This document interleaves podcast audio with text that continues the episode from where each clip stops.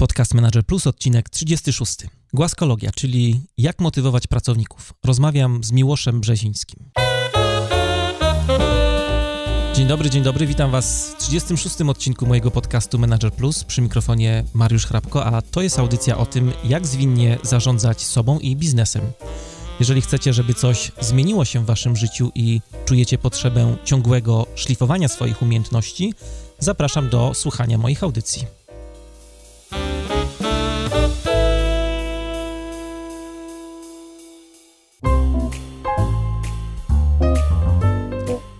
Dzisiaj rozmawiamy o motywacji.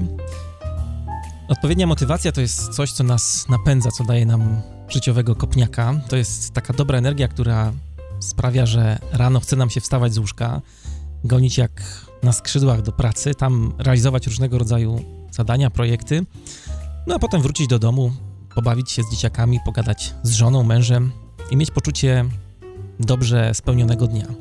No właśnie, ale cały problem z tymi skrzydłami. Jak sprawić, żeby pracownikom chciało się chcieć, jak ich motywować, jakie techniki motywowania najbardziej się sprawdzają, czy na przykład filozofia kija i marchewki faktycznie działa, kiedy pieniądze motywują, a kiedy nie motywują, co z pokoleniem milenialsów i motywacją.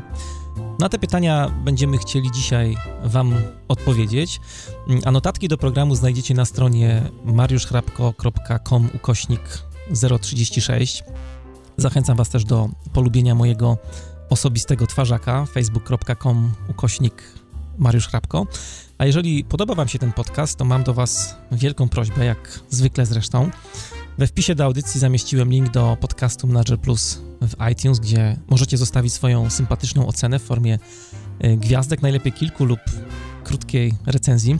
E, bardzo mi na tym zależy, bo dzięki Waszym głosom mój program będzie jeszcze bardziej rozpoznawalny, zauważalny w wyszukiwarce iTunes, a dzięki temu będę mógł też docierać do szerszego grona odbiorców. Z góry wielkie dzięki za pomoc. Przed nagraniem zerkałem na statystyki. Na chwilę obecną wygląda na to, że pobraliście podcast aż 60 139 razy. Muszę Wam powiedzieć, że zawsze jak brakuje mi motywacji do nagrania kolejnego odcinka, to sobie wyobrażam, że stoję na takim dużym balkonie, a przed nim tysiące głów ze słuchawkami na uszach, które czekają na kolejny odcinek. Jeszcze raz wielkie dzięki za wsparcie, a teraz poradnikowo.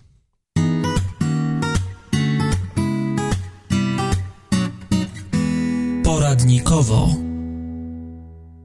Dzisiaj w poradnikowie mam dla Was bardzo nietypową poradę. 16 czerwca w Warszawie w Filharmonii Narodowej odbędzie się pierwsza tego typu w Polsce konferencja Firma z duszą.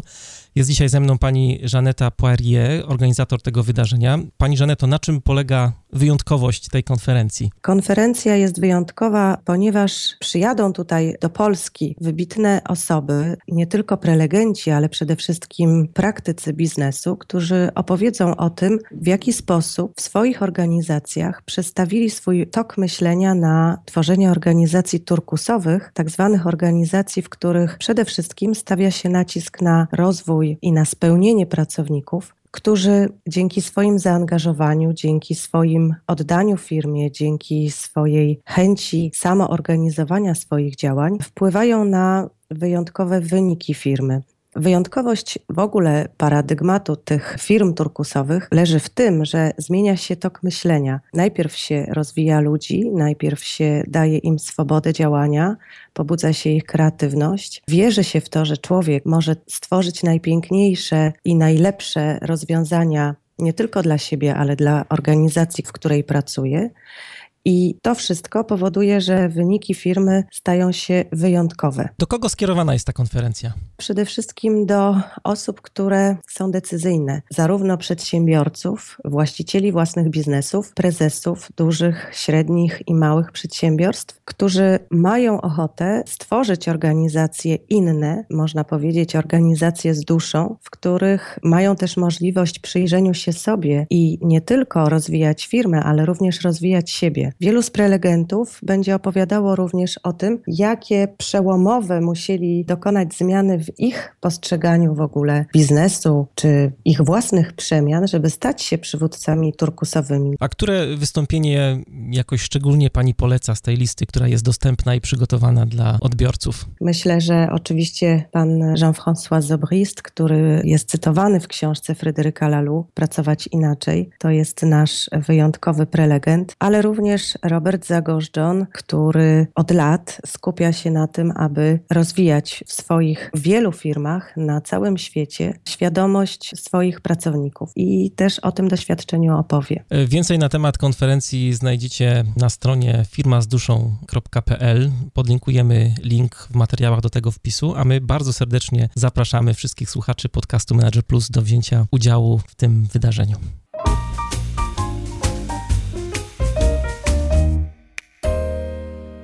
Rozmowa.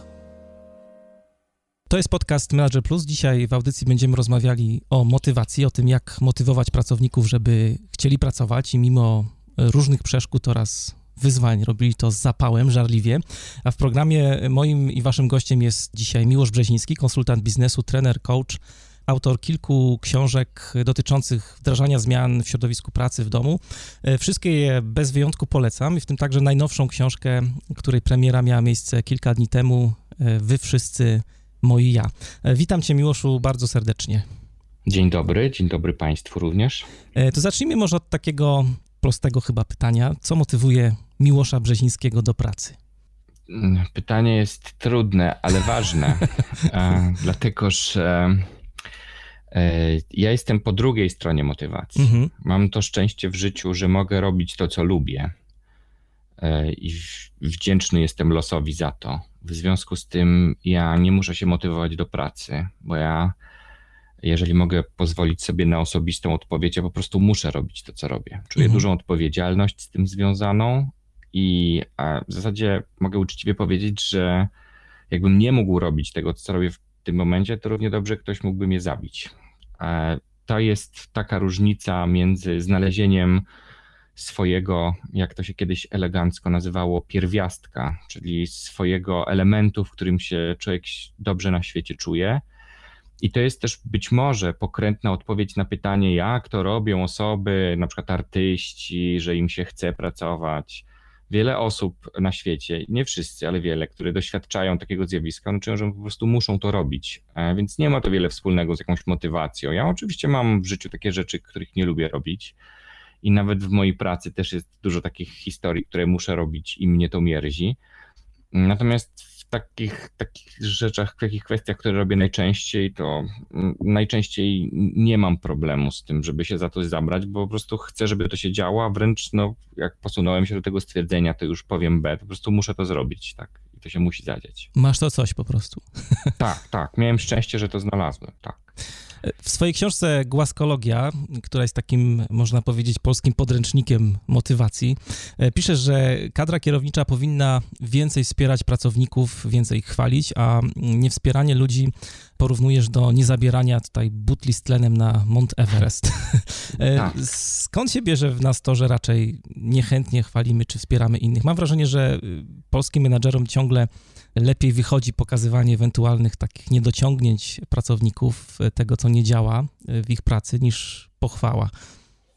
Nie wiem, jak to jest w ogóle, czy, czy, czy, w ogóle uzasadnione jest to, żebyśmy mówili, że polscy menedżerowie są w tym jakoś wyjątkowi. Ja wiem, że my się lubimy czuć wyjątkowo i fajnie by było mhm. znaleźć jakieś takie rzeczy, ale ja u innych menedżerów też to widzę. Mm. E, to jest efekt różnych historii. Jak to zwykle bywa w pytaniach eksperckich, odpowiedź na każde pytanie brzmi to zależy.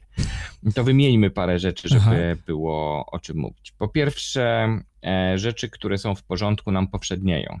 Czasami ludzie mówią, że praca menedżera jest jak praca szambiarza.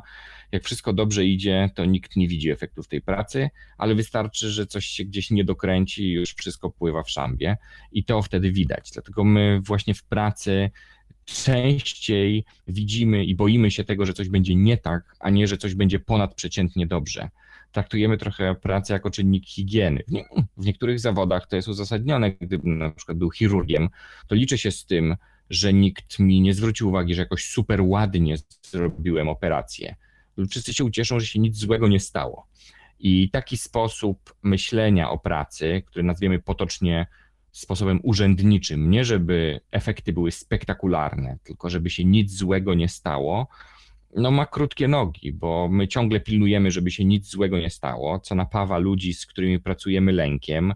To oczywiście powoduje, że jakieś większe problemy się nie dzieją, ale to również w, pewien, w pewnym sensie dewastuje konkurencyjność firmy na rynku, bo my jesteśmy z drugiej strony ciągle poganiani tym, że biznes jest rywalizacyjny i my nie możemy po prostu nie przybiec ostatni, bo to nam nie gwarantuje pieniędzy.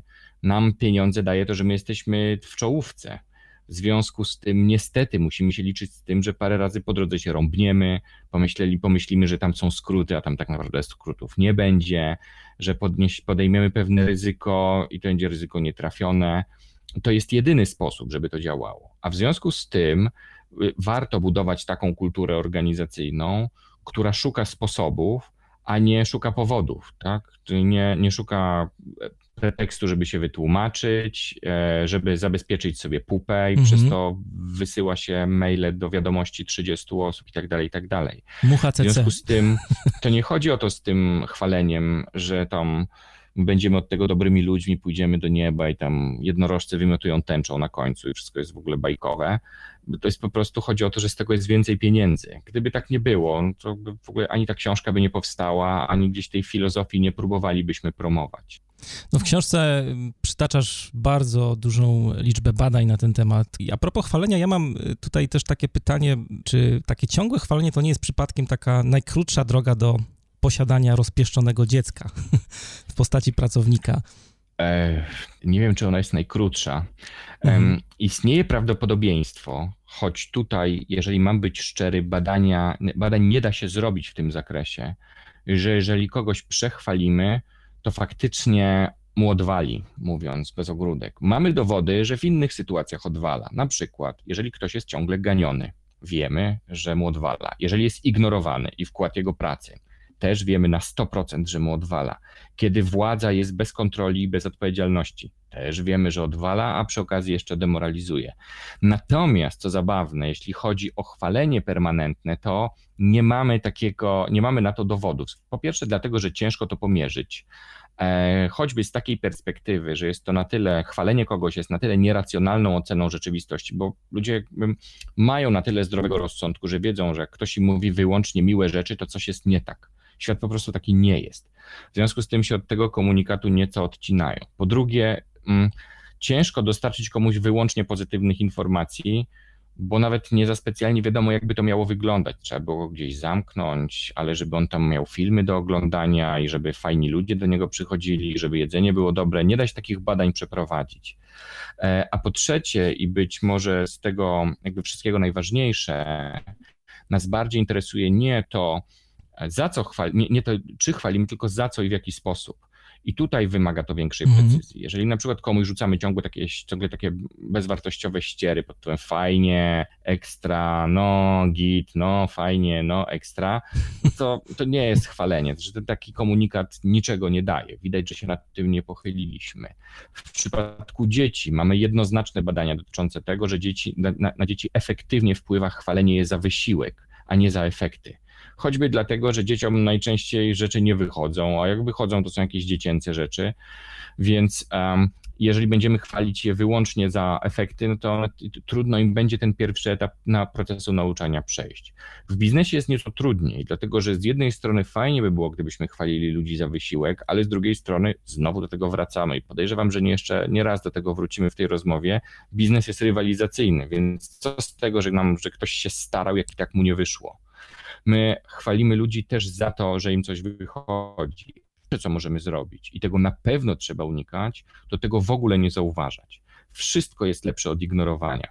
Są takie badania, które zrobił profesor Ariely, e, w których no, ludzie mieli wykonywać pewne proste zadania, ono było bardzo żmudne, nic tam jakiegoś super specjalnego.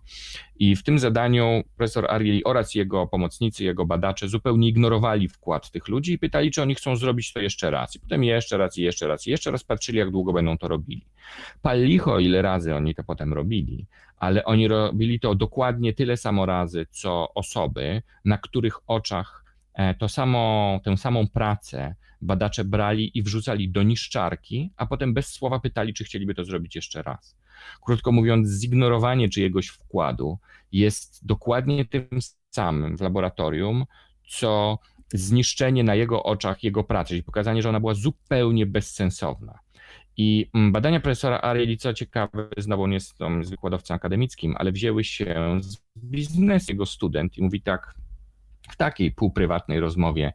Miałem przygotować trudną prezentację i mój szef mi powiedział, żebym to zrobił. I ja się tak namęczyłem, namęczyłem. I to była taka moja pierwsza prezentacja. I ja mu ją wysłałem. I on mi odpisał, o, wysłałeś mi prezentację, a tak naprawdę to przecież tego wystąpienia jutro nie ma, zapomniałem ci powiedzieć. I trochę mi się zrobiło smutno, ale potem on mówi do tego profesora, zdałem sobie sprawę, że nie robi mi się smutno dlatego, że się napracowałem, tylko że on nic na to nie odpowiedział. Nie odpowiedział na przykład, ojej, widzę, że się tak napracowałeś, a tej prezentacji jutro nie będzie. Ojej, widzę, że to jest bardzo fajna prezentacja, szkoda, że tej prezentacji jutro nie będzie. Tylko to było takie zupełne zbycie tego całego mm. wkładu, który on tam włożył. I to jest na pewno, jeżeli wiemy, jeżeli chodzi o produktywność, najgorsza rzecz dla motywacji, którą można zrobić. Nic tak nie dewastuje, jak ignorowanie wkładu.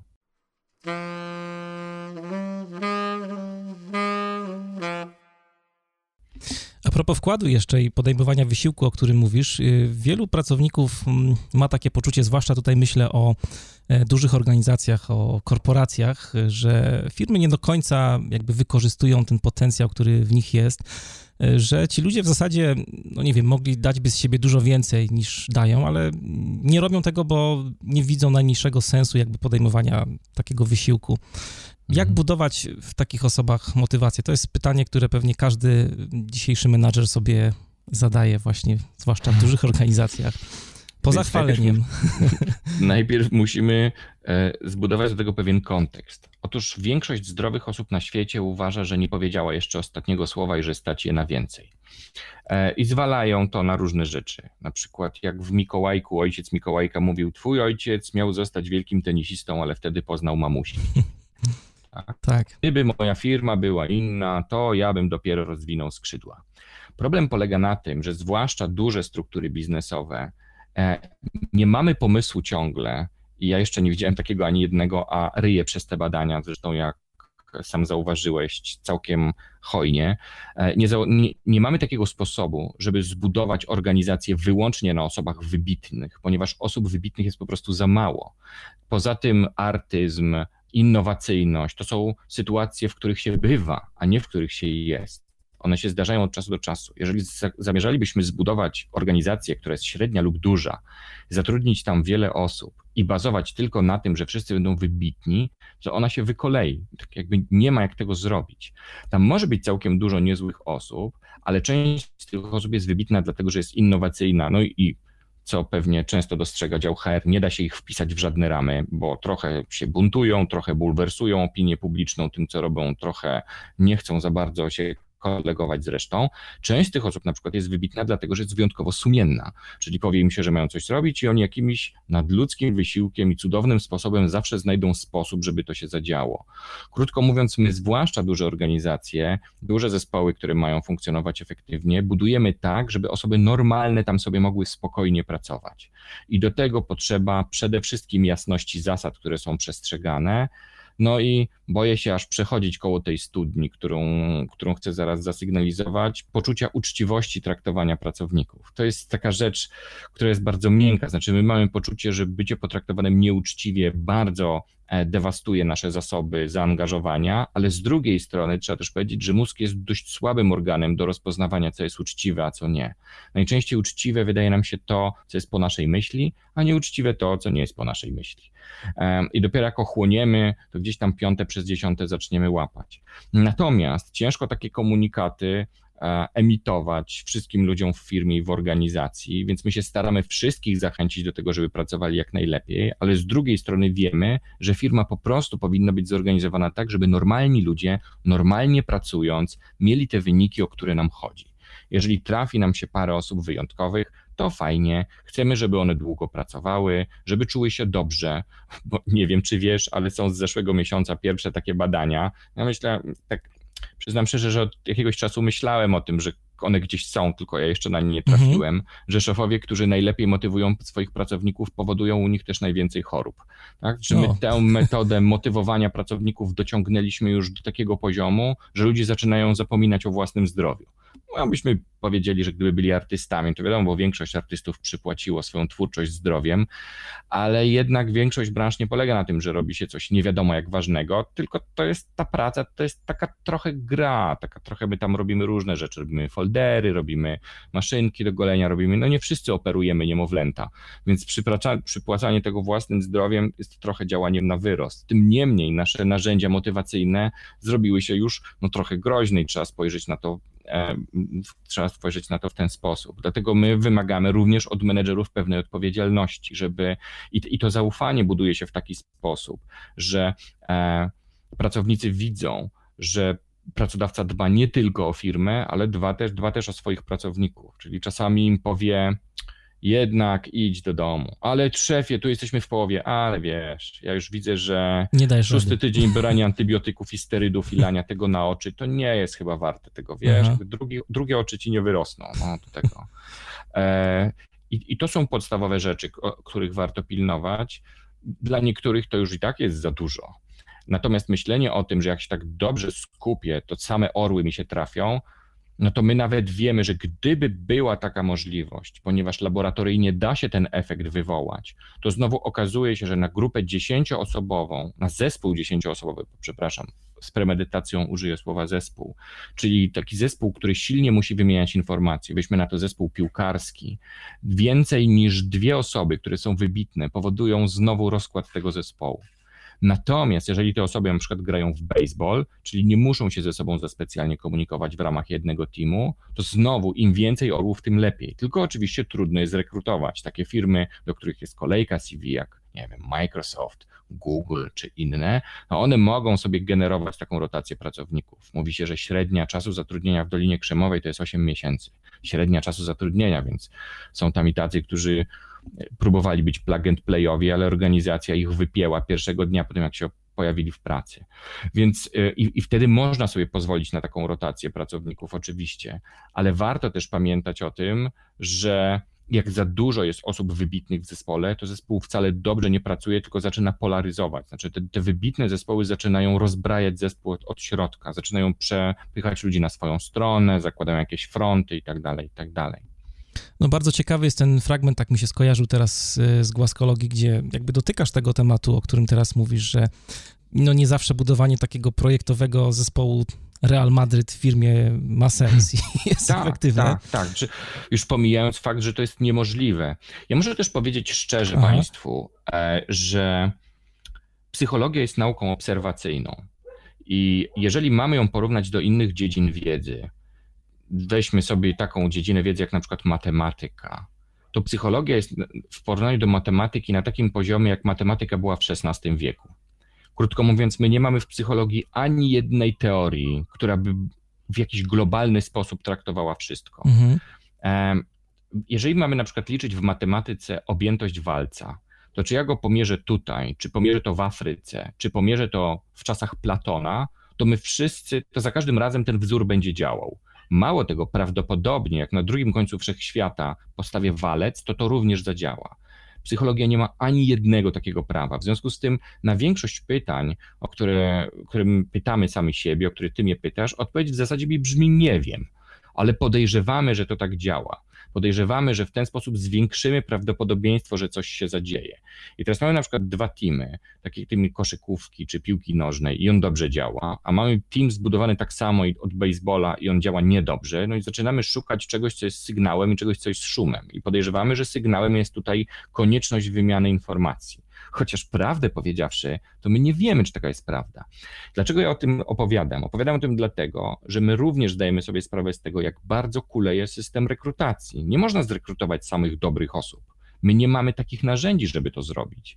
Mamy dużo narzędzi, które są bardzo popularnymi narzędziami rekrutacyjnymi i to są narzędzia, których no tam Nie będę wymieniał, bo nie będę piłował gałęzi, z której własne gniazdo kalam, ale mamy. Ale to są narzędzia, które na przykład badają ludzi w taki sposób. Profesor Adam Grant mówi o jednym z najbardziej słynnych testów, że on bada, czy jesteś zdrowy, ale nie sprawdza, czy masz ręce i nogi. Tak? Mhm. Jakby bada wszystkie rzeczy, ale nie patrzy, czy masz obie ręce i obie nogi. I to mniej więcej on robi dla psychologii, więc tam wychodzi jakiś wynik i my próbujemy się tym posiłkować, ale suma summarum, jak ktoś będzie pracował, to my się dopiero dowiemy, jak już tam usiądzie i zacznie pracować. I co się z nim wtedy stanie? Jak on się zgra z tymi ludźmi? Dlatego my też proces rekrutacyjny próbujemy teraz modyfikować, żeby zespół miał też na to wpływ, żeby wszyscy mogli obejrzeć CV, żeby mogli zacząć jakiś filmik na internecie, jak ta osoba się zachowuje. Nie dlatego, czy ona jest kompetentna, czy nie, bo tego to my nie jesteśmy w ogóle w stanie poznać. Jesteśmy w stanie poznać na przykład to, czy jest chemia, czy ta osoba mówi w taki sposób, że to nam się źle kojarzy, czy przypomina mi matkę albo chomika, który mi tam umarł dwa lata temu i ja ciągle go pamiętam, tak? Jakieś takie takie różne rzeczy ludzie opowiadają po tym. No ja sam byłem świadkiem sytuacji, że człowiek został zatrudniony i powiedział, że nie spodziewał się, że kobieta, która siedzi w open space przed nim, będzie przypominała mu jego zmarłą żonę i on nie może tu pracować. Tak? I koniec, i jest pozamiatane. I jak to na procesie rekrutacyjnym zweryfikować i kogo winić za to, że on się nie może skupić i nie daje rady, bo to wrażenie jest silne. I, a on jeszcze, my jesteśmy tutaj w tej sytuacji, że on sobie zdał z tego sprawę. Natomiast czasami osoby nie jest im za ciepło, za głośno, za jasno, za, za różnie. W związku z tym no my sprawdzamy pewną wartość bazową, przekraczamy w procesie rekrutacyjnym, ale dopiero jak ten zespół się pojawi i teraz stawiam dopiero podpunkt B, zaczynamy z nim pracować, to się okazuje, że dobry zespół jest tylko i wyłącznie efektem treningu, a nie rekrutacji.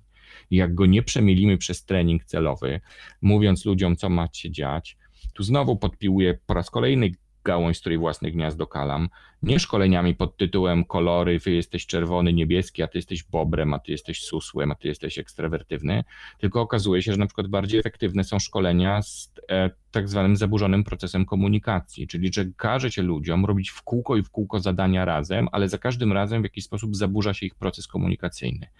I ludzie uczą się pracować, chociaż nie wiedzą w jaki sposób to się dzieje. Krótko mówiąc, uczą się pracować przez pracowanie. Tak? Robią to, co trzeba, mhm. poprawiają, robią, poprawiają, robią i tak się docierają. Uczą się między innymi, no co uważa się z jedną z najważniejszych rzeczy w zespole dotartym, kiedy się odzywać, a kiedy nie jest bardzo trudna umiejętność i potrzeba do tego wprawy. Niektóre problemy zespołowe same się rozmywają, a niektóre problemy zespołowe trzeba zastopować w momencie, w którym się pojawiają. I to jest kwestia wprawy po treningu.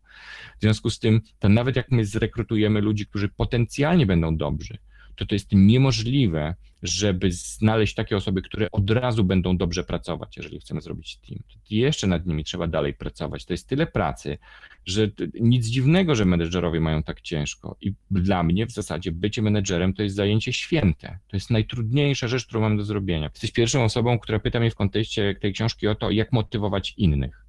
My ciągle myślimy o sobie, a menedżer ciągle się musi zastanawiać nad innymi. Jak inni, co oni pomyślą, jak to powiedzieć, żeby zadziałało, albo czy tego nie powiedzieć i to właśnie wtedy zadziała. Czy jak mój prezes na nich nadawał, na moich ludzi, to ja powinienem nie iść do moich ludzi, tylko w zasadzie odwrócić się w progu w jego gabinetu napięcie i odpowiedzieć, że moi ludzie pracują dobrze i zasługują na szacunek i dopiero wtedy wyjść. To są strasznie trudne rzeczy i wymagają masy odwagi. To jest jedna z najtrudniejszych rzeczy, którą trzeba zrobić. Trzeba wpuścić masę osób do siebie do głowy i umieć tym zarządzić rozsądnie. A co z kasą? Bo jeszcze nie zadałem tego pytania, a przy motywacji dużo się mówi o motywowaniu po prostu przez y, pieniądze. Otóż jest takie e, powiedzonko, że pieniądze szczęścia nie dają. E, otóż mamy badania i faktycznie nie jest to prawda. Otóż pieniądze szczęście dają, niestety. Mhm. Nie wiem za specjalnie, jak to się dzieje znowu. Podejrzewamy, że po prostu jak ktoś ma pieniądze, no tak mówi stare przysłowie, jak się smucić, to i tak lepiej się smucić w Ferrari niż na rowerze. E, I po prostu ludzie, którzy mają więcej pieniędzy, prawdopodobnie mogą sobie pozwolić na to, żeby sobie dostarczyć więcej przyjemności. I, I, to jest jakiś punkt wyjścia. Mogą częściej wziąć wolne, może, mogą sobie kupić lepsze, wygodniejsze rzeczy. Przede wszystkim mogą sobie kupić wolny czas.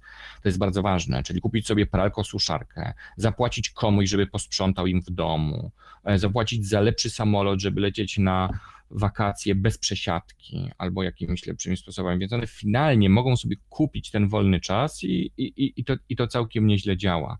W związku z tym nie ma co się oszukiwać, że pieniądze nie mają znaczenia dla ludzi w pracy, bo oczywiście, że mają. Natomiast trzeba też powiedzieć, że one mają znaczenie o tyle, że najbardziej mają znaczenie w jeżeli chodzi o pewną higienę pracy i poczucie uczciwości. Czyli po pierwsze, czy ja zarabiam w mojej pracy tyle, co zarabiają ludzie na tym stanowisku, w tej okolicy, w tej branży. Czyli jeżeli ja zarabiam 2000, a wszyscy zarabiają 2000, to znaczy, że to jest ok. To jest bardzo niedużo pieniędzy, 2000. W zasadzie można powiedzieć, że to jest mało pieniędzy. E, ale jeżeli wszyscy tyle zarabiają, to jakoś sobie poradzę, żeby się z tym pogodzić wewnętrznie, choć oczywiście mogę szukać sposobu, żeby zarabiać więcej. Natomiast jeżeli jest tak, że wszyscy zarabiają więcej pieniędzy, a ja zarabiam 2000, wszyscy na przykład na stanowisku, nie wiem, administratora albo tam koordynatora czy konsultanta, wszyscy zarabiają 4,5, a ja zarabiam 2, no to to już poważny robak zwątpienia w mojej głowie. Mhm. Dlatego to jest pierwszy punkt odniesienia, do którego trzeba mieć. A druga sprawa jest taka, że nam się wydaje, że ludzie chcą zarabiać coraz więcej i na to też mamy badania. Nie jest to do końca prawda. Ludzie chcą wielu innych rzeczy w życiu i Państwo pewnie znacie, bo wielu wywiadów słuchacie i wielu rzeczy się dowiadujecie, ale chcę Wam też powiedzieć, że ludzie bacznie zwracają uwagę na to i najlepiej się czują, jak ludzie zarabiają adekwatnie do wkładu pracy. Czyli jeżeli mamy zespół, załóżmy siedmiu osób, i jeden występuje, nacharuje się, zrobi prezentację, sprzeda produkt, wyjeździ do klienta, podpisze umowę i wszyscy dostaną premię, to pokazują badania, ci, którzy dostali premię, ale nie przyłożyli do tego ręki, dobrze się nie czują z tym. Ludzie się czują dobrze wtedy, kiedy ta osoba, która faktycznie się napracowała, dostanie więcej. I ma to również znaczenie w drużynach sportowych, co ciekawe, a tam ten wynik jest dość wymierny, nierzadko bardziej wymierny niż w biznesie. Że jeżeli któryś piłkarz gra więcej, e, gra lepiej, to cała drużyna lepiej się czuje, jak tylko on dostanie pieniądze za to, a reszta dostanie tyle, co normalnie, bo się niczym nie wykazała. Mhm. To jest nierzadko trudne do, do ustalenia, bo znowu wchodzimy w jakieś niuanse głębokie, no ale załóżmy, są tacy gracze na stadionie czy na parkiecie, którzy powodują, że cała drużyna gra, gra lepiej, chociaż nie rzucają punktów. Oni podają, oni powodują, że drużyna lepiej się czuje w szatni. Generalnie wynik jest jednoznaczny. Jak się ich wpuszcza na boisko, to drużyna dostaje więcej punktów, chociaż oni ani razu nie rzucają tych punktów albo nie strzelają do bramki. Po prostu są. I jeżeli taka osoba mhm. ma dostać więcej pieniędzy, takie osoby są nierzadko transparentne dla szefa i trzeba na to zwracać uwagę, dlatego że one mają często niski poziom narcyzmu, mają wysoki poziom empatii, mają takie, prowadzą szerokie działania altruistyczne. Ciężko je zobaczyć, oni nie, nie poradzą własnego PR-u, ale jeżeli zamierzamy takiej osobie dać więcej kasy wtedy, to po pierwsze trzeba powiedzieć całemu zespołowi, żeby ich działania stały się widoczne, bo to nie jest takie oczywiste, że ta osoba dostaje więcej, ale znowu ludzie wtedy chętniej na to przystają. Więc my nie mamy takiego, być może mamy na, czasami w głowie takiego złodziejskiego podejścia, że o, czy się stoi, czy się leży, albo każdemu według potrzeb i wszystkim według możliwości. Nie jest tak z nami do końca. My mamy gdzieś z tyłu głowy, oczywiście nie wszyscy, ja teraz operuję pewnymi statystykami i generalizacją, ale w badaniach raczej się zakłada, że większość osób będzie chciała, żeby zostało zapłacone według zaangażowania.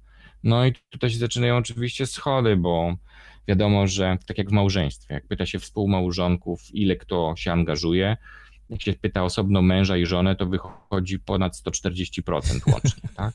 Każdemu się no. wydaje, że on się angażuje bardziej. Więc no tu już znowu wracamy do kwestii zaangażowania, pewnej konstruktywności rozmowy prowadzonej przez menedżera i narzędzi, które on w ręku ma.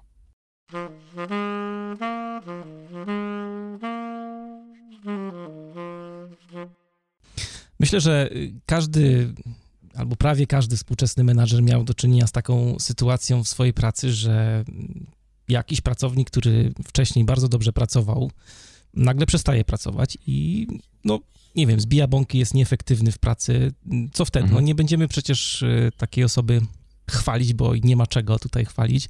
Czy to jest y, dobry moment, żeby użyć na przykład kija właśnie wtedy? Dobry moment, żeby użyć kija jest zawsze właściwie wtedy, kiedy jest sytuacja kryzysowa. Znaczy inaczej, może powiem.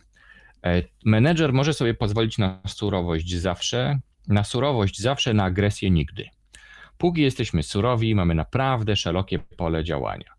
Jeżeli traktowaliśmy tego pracownika wcześniej dobrze, wcześniej dobrze i mamy u niego uskładane i on generalnie uważa, że mu życzymy dobrze, ma na to dowody i my mu raz pomachamy kijem przed nosem, to naprawdę nic się nie stanie. My nie jesteśmy aż tak delikatni.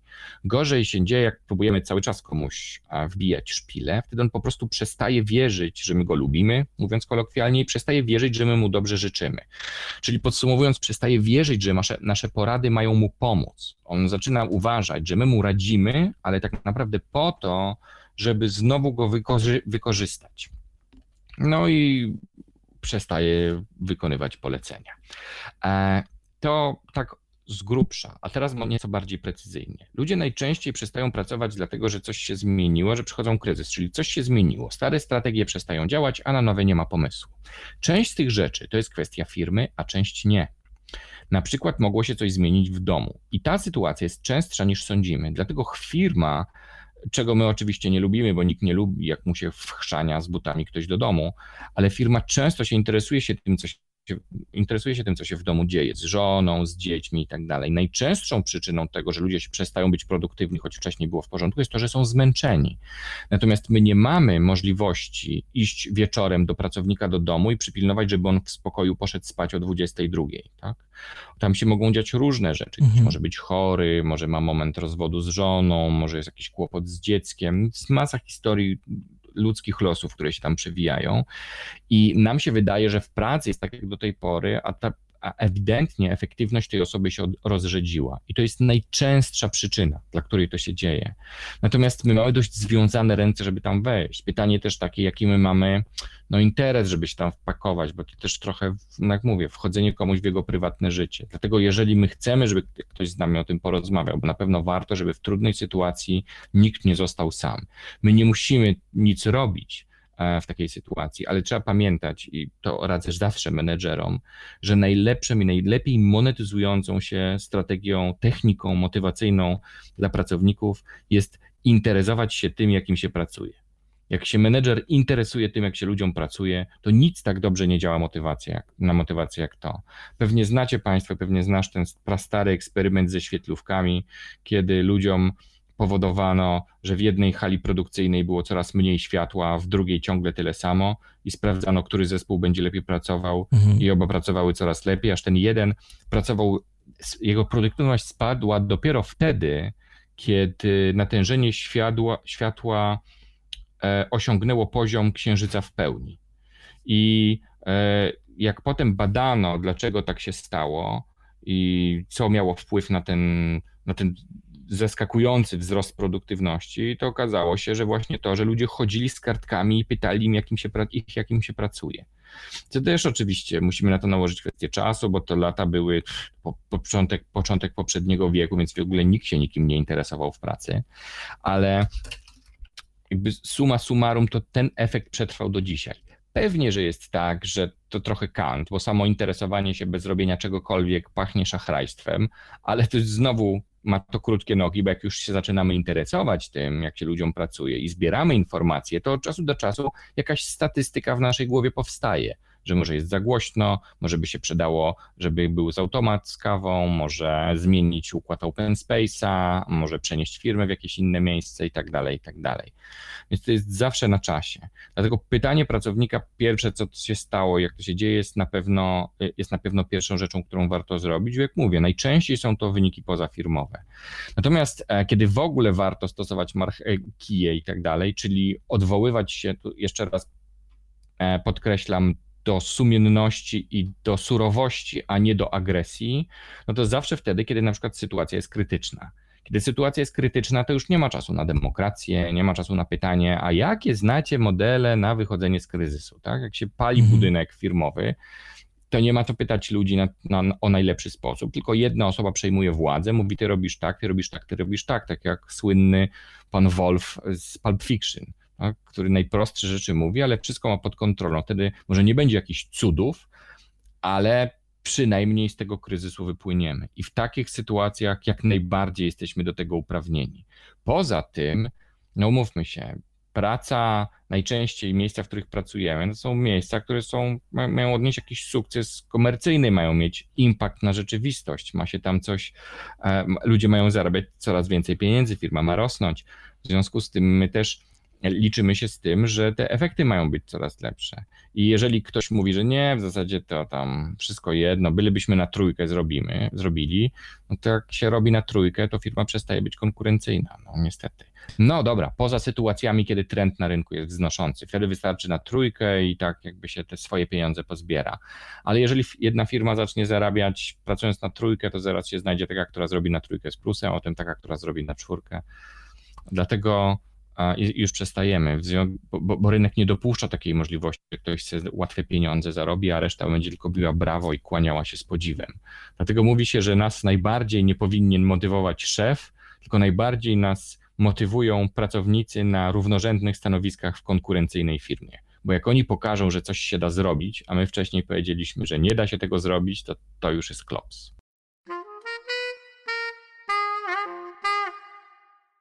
A czy w podejściu do motywowania zauważasz jakieś różnice, jeśli chodzi o e, pokolenia? Dostaję sporo maili na temat właśnie milenialsów, jak zarządzać milenialsami. Czy tutaj są jakieś różnice między na przykład pokoleniem X a pokoleniem Y, jeśli chodzi o motywację i tak, co, no, wiesz, my już wyszliśmy z takiego myślenia, że praca jest najważniejsza w życiu, mhm. E, bo przestała być najważniejsza. Zaczynamy zarabiać z jednej strony dość dużo pieniędzy, żeby nie umrzeć z głodu, z drugiej strony pojawiła się całkiem szeroka gama produktów, które dużo nie kosztują e, i każdy sobie może w jakiś tam sposób poradzić. Są też różnego rodzaju produkty finansowe, które można, w których posiadanie można wejść i też jeszcze sobie jakoś podwójnie poradzić. Świat migruje w tym kierunku. Dobrze, źle, wszystko jedno, tak po prostu się dzieje. E, wygląda na to, że pokolenie, pokolenie X, Y, ale pff, chrzanić XY, pokolenie Z zaczyna wchodzić na rynek. I to są pokolenia, które nie tylko nie mają jakiegoś wewnętrznego imperatywu, żeby nie wiadomo ile zarabiać, bo widzą, że ten efekt nigdy się nie kończy, a tak finalnie to i tak najwięcej zarobi prezes na końcu. Mhm. E, tylko że ważne są też inne rzeczy. Na przykład, czy on się może uczyć, albo czy firma spełnia jakąś ważną misję, czyli na przykład ratuje walenie, albo dzieci chore, albo pieski, albo robi coś ekologicznego. To są kwestie, które się zrobiły istotne i w pewnym sensie no, trzeba na nie zagrywać na pamięć, znaczy trzeba się obczytać i dowiedzieć, jak to działa, a potem rozmawiać z tymi ludźmi i mniej więcej operując na statystykach ogólnych i sta statystykach partykularnych z mojej firmy, pracować tak, żeby w miarę możliwości, jeżeli nawet nie na poziomie firmowym, to na poziomie lokalnym to realizować, bo zespoły przecież też mogą mieć swoje aktywności. Mogą E, partycypować w jakichś akcjach wolontariackich, mogą mieć w Endomondo naliczane kilometry i przekazywać pieniądze. E, jeżeli jest coś takiego, to to jest ważne. Muszę, e, Ci powiedzieć, że w ogóle te lokalne rzeczy stały się ostatnio bardzo istotne w firmach. Ludziom coraz trudniej sobie wyobrazić, co to właściwie jest korporacja. Właściwie korporacja to jest co? Jak my powiemy, że jesteśmy wszyscy jedną wielką rodziną, to ani sobie tego nikt specjalnie nie wyobraża, już nie mówiąc o tym, że nie czuje, bo o wiele częściej ludzie raportują, że trudniej im się dogadać z klientem wewnętrznym niż zewnętrznym. E, mało tego, jeżeli zespół ma problem z motywacją, to najczęstszym problemem jest to, że zespół jest za duży czyli na przykład ma 8-9 osób zamiast 4-5 mhm. osób, które próbują jakąś decyzję, jakiś problem rozwałkować. My mamy raczej tendencję do myślenia bardzo lokalnego i do innowacji lokalnych. To nam najprędzej przyjdzie do głowy, co lokalnie poprawić, a nie co poprawić na świecie. Zresztą masa wielkich firm, e, żeby wymienić tylko na przykład Facebooka, to, to, to jest film, która powstała z potrzeby lokalnej, poprawiania czegoś, co zażarło lokalnie i potem zostało wyskalowane w odpowiedni sposób. Jak mówi stary przysłowie przedsiębiorca sprzedawców, jak nie potrafisz sprzedać znajomym, to potem już będzie tylko trudniej. I, e, I ludzie teraz w tych współczesnych firmach, zwłaszcza ci młodzi, którzy chodzą do pracy, to czują. Oni chcą, żeby ich zespół był taki. Oni tutaj się czują, mają się czuć dobrze, ten zespół ma się w coś angażować, ma jakieś rozwiązywać swoje wewnętrzne problemy, kupują menedżera, a nie firmę, czyli zastanawiają się i pytają na rozmowie rekrutacyjnej, z kim będą pracować, kto będzie ich szefem, czy to jest osoba, która tak czy inaczej się zachowuje, czy można się od niej czegoś nauczyć, kto będzie ze mną pracował w tym miejscu, co ja będę, czy, czy kiedy będziemy mieli wolne, co będziemy mogli wtedy porobić i tak dalej, i tak dalej. To są bardzo, to jest, to jest bardzo takie myślenie, nazwalibyśmy je być może, bo to pachnie pokoleniu X, e, pewnym narcyzmem i egocentryzmem, ale ten impact, który możemy wygenerować lokalnie i, i, i kaizenowe małe kroki są finalnie o wiele bardziej efektywne niż celowanie w rysę we wszechświecie, tak? Bo pana od rysy we wszechświecie to był jeden i drugi na razie się jakby plan, nieplanowane jest, żeby się urodził. Ludzie posądzają Elona Muska, że on taki jest ale znowu analizy ekologów są takie, że produkcja i utylizacja samochodu elektrycznego jest taka, że jednak lepiej robić samochody na ropę, tak? Żeby to mniej szkodzi środowisku. Więc e, wiele mamy takich bajkowych zjawisk, których chcielibyśmy się złapać, ale osoby wybitne to są osoby bardzo rzadkie i one fajnie wyglądają na firmamencie, ale ciężko brać z nich przykład. Natomiast my funkcjonujemy w takim małym naszym świadku lokalnym i jeżeli damy radę zmienić coś dookoła siebie, to to już jest całkiem sporo. I myślę, że to podejście jest o wiele bardziej zdrowe Dlatego na miejscu menedżerów również starałbym się o czym mówiliśmy już na początku, też budować zaufanie u swojego zespołu. Nie wiem, czy wiesz, ale na przykład zaufanie jest jedyną cechą podawaną przez, e, w ankietach przez pracowników, którzy chcą, chcieli rzucać pracę, a cofnęli się z tej decyzji, czyli jednak pozostali w miejscu zatrudnienia. Pozostanie, e, zaufanie jest jedyną cechą, która powoduje zaufanie do swojego szefa. Ciekawe powoduje, bardzo. że mhm ten pracownik nie odejdzie z firmy, tylko jednak zostanie. To jest tak rzadkie i trudne do znalezienia na rynku, a jednocześnie trudne do zweryfikowania na rozmowie selekcyjnej w innej firmie, że ludzie wolą zostać tutaj, dlatego że mają zaufanie do swojego szefa. Więc e, myślę, że ten rynek zaufania jest rosnący, on ma na pewno tendencję rosnącą w tej chwili. No ciekawe jest to, co mówisz, bo to się przewija kilka razy w naszej rozmowie, że w zasadzie Współczesny biznes, współczesne zarządzanie, praca menedżerów opiera się coraz bardziej na takich e, miękkich rzeczach, niemierzalnych w zasadzie, zaufanie. E, tak, ale powiedz, muszę ci powiedzieć, że wiesz, dlaczego tak się dzieje, oprócz tego wszystkich różnych górnolotnych myśli, które bym tu wymienił? Dlatego, że praca biznesowa jest coraz prostsza. Aha. Tam już nie ma nic trudnego do roboty. Excel sam się wypełnia, makra są napisane na dysku sieciowym, e, są szkolenia, jest, są działy od wszystkiego od e, finansów, od motywacji, od liczenia, od odejmowania, od transportu. My w zasadzie spowodowaliśmy, że na poziomie merytorycznym praca w firma stała się potwornie prosta. W każdy wie, co ma robić właściwie. Mhm. I to nie to nas rozmontowuje, że my nie wiemy, co mamy zrobić, bo już aplikacje za nas liczą, mówią kiedy w ogóle, przypominają, jak ktoś jest wystarczająco uparty, to się samo dzieje, tak? Nawet nie trzeba pilnować maili z serwera, bo one wszystkie do nas przyjdą. Jak nie na komputer, to na komputer, na maila, na tablet i wyświetlą się na zegarku. W związku z tym my poszatkowaliśmy e, te zadania merytoryczne, żeby każdy mógł sobie spokojnie pracować. I dlatego to nie to stało się elementem diagnostycznym do pracownika, albo nie to staje się coraz bardziej, ale coraz bardziej staje się to, czy on na przykład ma pomysł, ale boi się powiedzieć, bo mu ktoś ten pomysł podwędzi. E, czyli kwestie emocjonalne, albo ma pomysł, ale może nie wypada, bo nikt nie ma pomysłu, ja będę miał pomysł i cały zespół mnie znienawidzi.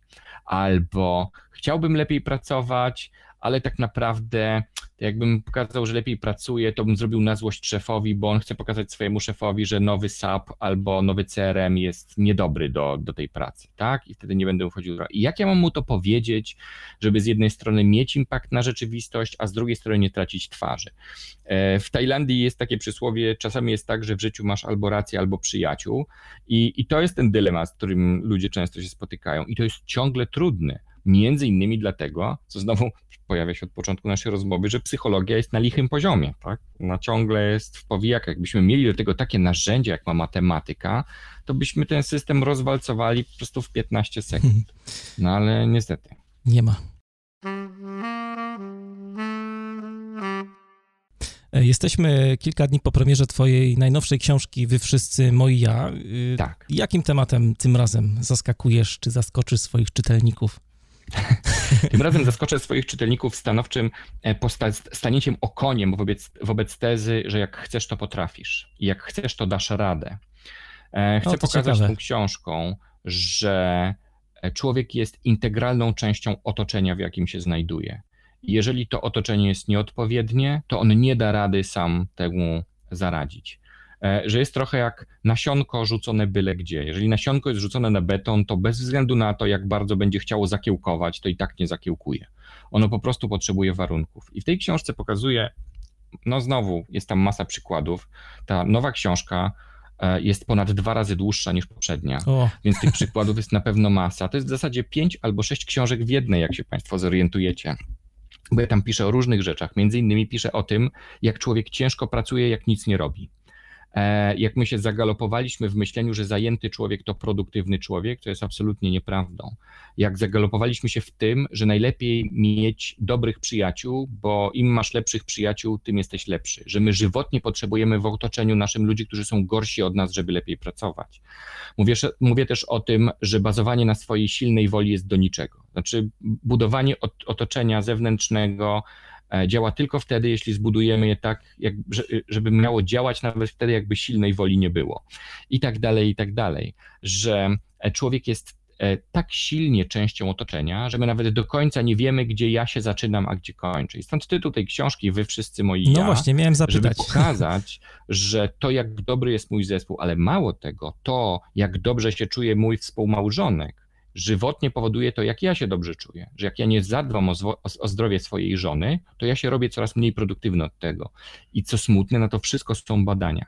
Pokazuje tam również Państwo, jak myślenie pozytywne, czyli jak chcesz, to dasz radę, możesz być kim chcesz i tak dalej, finalnie powoduje poczucie winy, bo jeżeli ludzie próbują przejąć odpowiedzialność za coś, na co nie mają wpływu, to, czyli na przykład szukają pracy w branży, która nie oferuje miejsc pracy, bo na przykład rynek jest schodzący, to e, ta psychologia pozytywna, jak mówią badacze, bo to nie są moje słowa, ja tylko przekazuję to, co się dzieje, jak mówią badacze, finalnie to powoduje poczucie winy, czyli jakby psychologia pozytywna jest bardziej dewastująca niż nam się wcześniej wydawało. Jak się robi badania, jest na przykład badania takie, przytaczam Barbarę Ettingen, która pyta ludzi, czy wierzą w to, że znajdą pracę swoich marzeń, czy nie. I proszę Państwa, nie wiem, czy wiecie, ale częściej pracę swoich marzeń znajdują ludzi, którzy w to nie wierzą. I co teraz?